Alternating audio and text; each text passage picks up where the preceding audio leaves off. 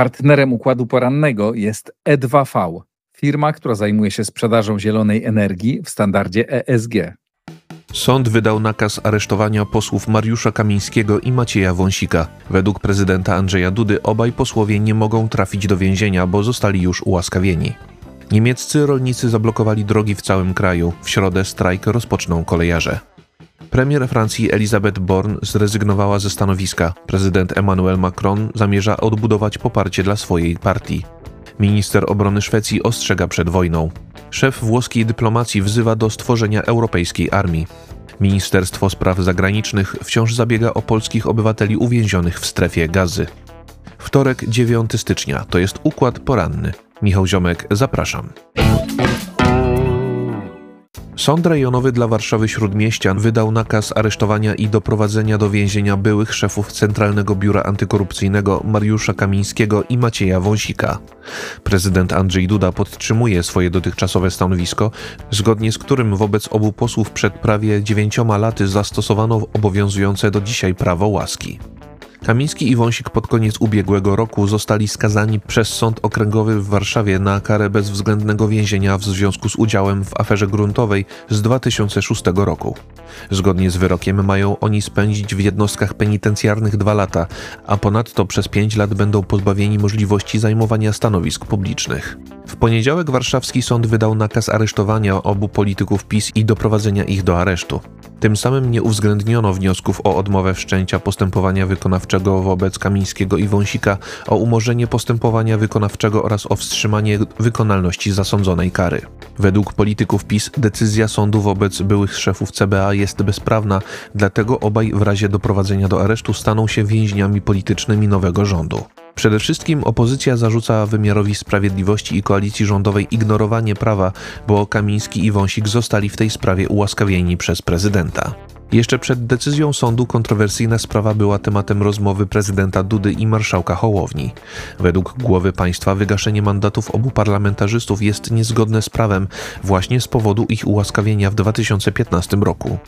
Marszałek Sejmu twierdzi z kolei, że został zobowiązany do takiego kroku grudniowym wyrokiem sądu. Spotkanie nie przyniosło więc zmiany stanowiska obu polityków. Dzisiaj o 11 Kamiński i Wąsik zostali zaproszeni do Pałacu Prezydenckiego na zaprzysiężenie swoich byłych współpracowników Stanisława Żaryna i Błażeja Pobożego, którzy oficjalnie zostaną doradcami głowy państwa. Interia.pl przypomina, że już 10 stycznia rozpocznie się kolejne posiedzenie Sejmu. Według ustaleń portalu PiS zamierza do upadłego bronić swoich skazanych parlamentarzystów. W grę mają wchodzić dwa scenariusze.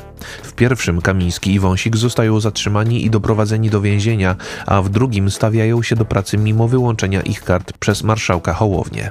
Kryzys związany z wygaszeniem mandatów posłów PiS jest tematem rozmowy z Piotrem Trudnowskim z klubu Jagiellońskiego, dostępnej na kanale YouTube Układu Otwartego i w serwisach streamingowych. Protestujący rolnicy zablokowali drogi na terenie całych Niemiec, sprzeciwiając się polityce oszczędnościowej rządu kanclerza Olafa Scholza. W środę swój strajk rozpoczną pracownicy kolei. W ubiegłym tygodniu władze w Berlinie wycofały się z planowanych zmian w opodatkowaniu rolników. Pierwotnie gabinet Scholza planował obcięcie dotacji do oleju napędowego, a także wprowadzenie nowego podatku drogowego od maszyn rolniczych. Pierwsze z tych rozwiązań będzie wprowadzane stopniowo do 2026 roku. Mimo to niemieccy rolnicy zablokowali wczoraj drogi w całym kraju. Mają one potrwać przez cały tydzień, z kolei w przyszły poniedziałek w Berlinie odbędzie się ogólnokrajowy protest farmerów. Przedstawiciele Zrzeszenia Niemieckich Rolników sprzeciwiają się jakimkolwiek zmianom w dotacjach do oleju napędowego. Mogą liczyć w tej kwestii na wsparcie opozycyjnej prawicy, a także szefów rządów sześciu krajów związkowych. Premier Dolnej Saksonii Stefan Weil podkreśla, że rolnicy już i tak są mocno obciążeni przez konieczność dostosowania się do rygorystycznych założeń polityki klimatycznej. To dopiero początek protestów w Niemczech. Od środy do piątku strajkować będą pracownicy kolei. Domagają się oni ograniczenia czasu pracy dla pracowników zmianowych przy zachowaniu pełnych wynagrodzeń. Premier Francji Elisabeth Born zrezygnowała ze stanowiska. Zmiana szefowej rządu została uznana za próbę odbudowania poparcia przez obóz prezydenta Emmanuela Macrona. Born pełniła swoją funkcję od maja 2022 roku i była dopiero drugą kobietą na stanowisku premiera Francji. Macron podkreślił, że wzorcowo wypełniała swoje obowiązki. Telewizja France 24 zauważa, że dymisja szefowej rządu nastąpiła po roku naznaczonym dużymi kryzysami politycznymi. Rząd w 2023 roku stracił bezwzględną większość w parlamencie, skłócił się na tle nowego restrykcyjnego prawa imigracyjnego oraz forsował niepopularną reformę emerytalną. Zdaniem komentatorów, Macron wybierając nowego premiera będzie kierował się zbliżającymi wyborami do Parlamentu Europejskiego oraz letnimi Igrzyskami Olimpijskimi w Paryżu.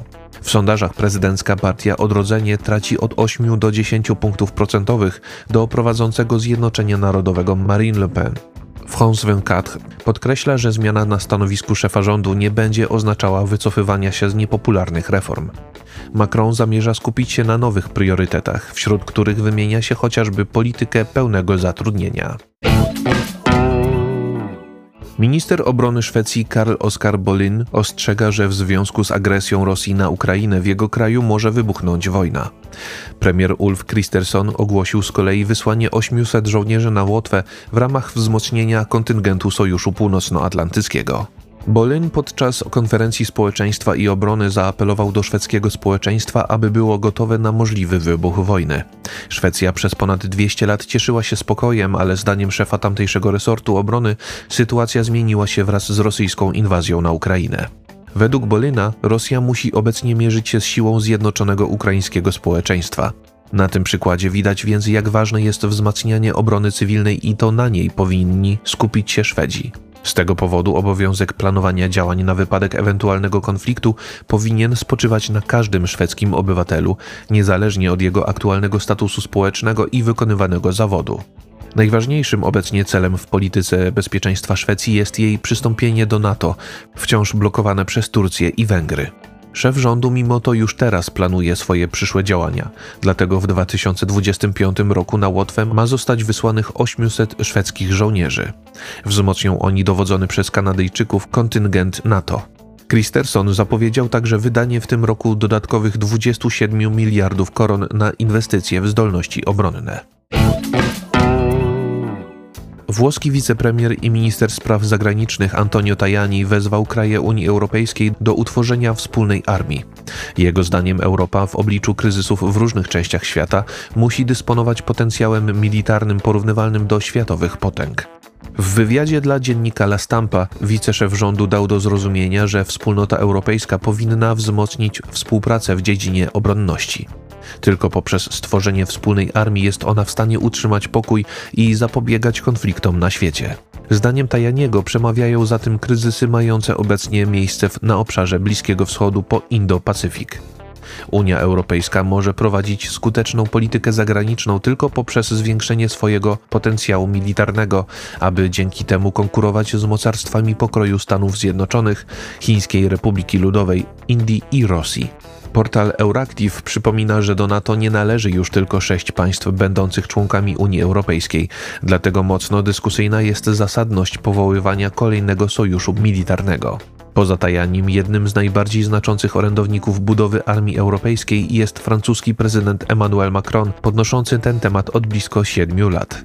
Włoski rząd opowiada się także za reformą unijnych procesów decyzyjnych w celu ich usprawnienia. Tajani opowiada się za systemem jednolitego przywództwa, dlatego proponuje połączenie ze sobą stanowisk przewodniczących Komisji Europejskiej i Rady Europejskiej. Minister spraw zagranicznych Radosław Sikorski poinformował, że polska dyplomacja wciąż zabiega o ewakuację polskich obywateli z zaatakowanej przez izraelskie wojsko strefy gazy. Obecnie za sprawę odpowiedzialny jest wiceminister spraw zagranicznych Władysław Teofil Bartoszewski. Ponadto kontakt z polskimi obywatelami znajdującymi się w palestyńskiej enklawie ma utrzymywać europoseł Koalicji Obywatelskiej Janina Ochojska. Szef polskiej dyplomacji podkreślił, że ich ewakuacja jest bardzo trudna. Według Sikorskiego nie wszystko zależy w tej sprawie od Polski, bo status niektórych osób z polskim paszportem jest skomplikowany. O wypuszczenie polskich obywateli z atakowanej przez Izrael strefy gazy zabiegał jeszcze poprzedni minister spraw zagranicznych Zbigniew Rau. Były już wiceminister spraw zagranicznych Paweł Jabłoński twierdził pod koniec ubiegłego roku, że Izrael korzysta z możliwości blokowania wyjazdu niektórych osób. W połowie listopada ubiegłego roku z palestyńskiego terytorium przez przejście graniczne w egipskim Rafah ewakuowano 18 osób. Informacje przygotował Maurycy Mietelski, nadzór redakcyjny Igor Jankę.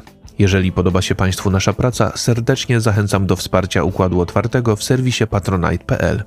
To wszystko na dzisiaj. Bardzo Państwu dziękuję za uwagę i do usłyszenia w kolejnym Układzie Porannym. Partnerem układu porannego jest E2V, firma, która zajmuje się sprzedażą zielonej energii w standardzie ESG.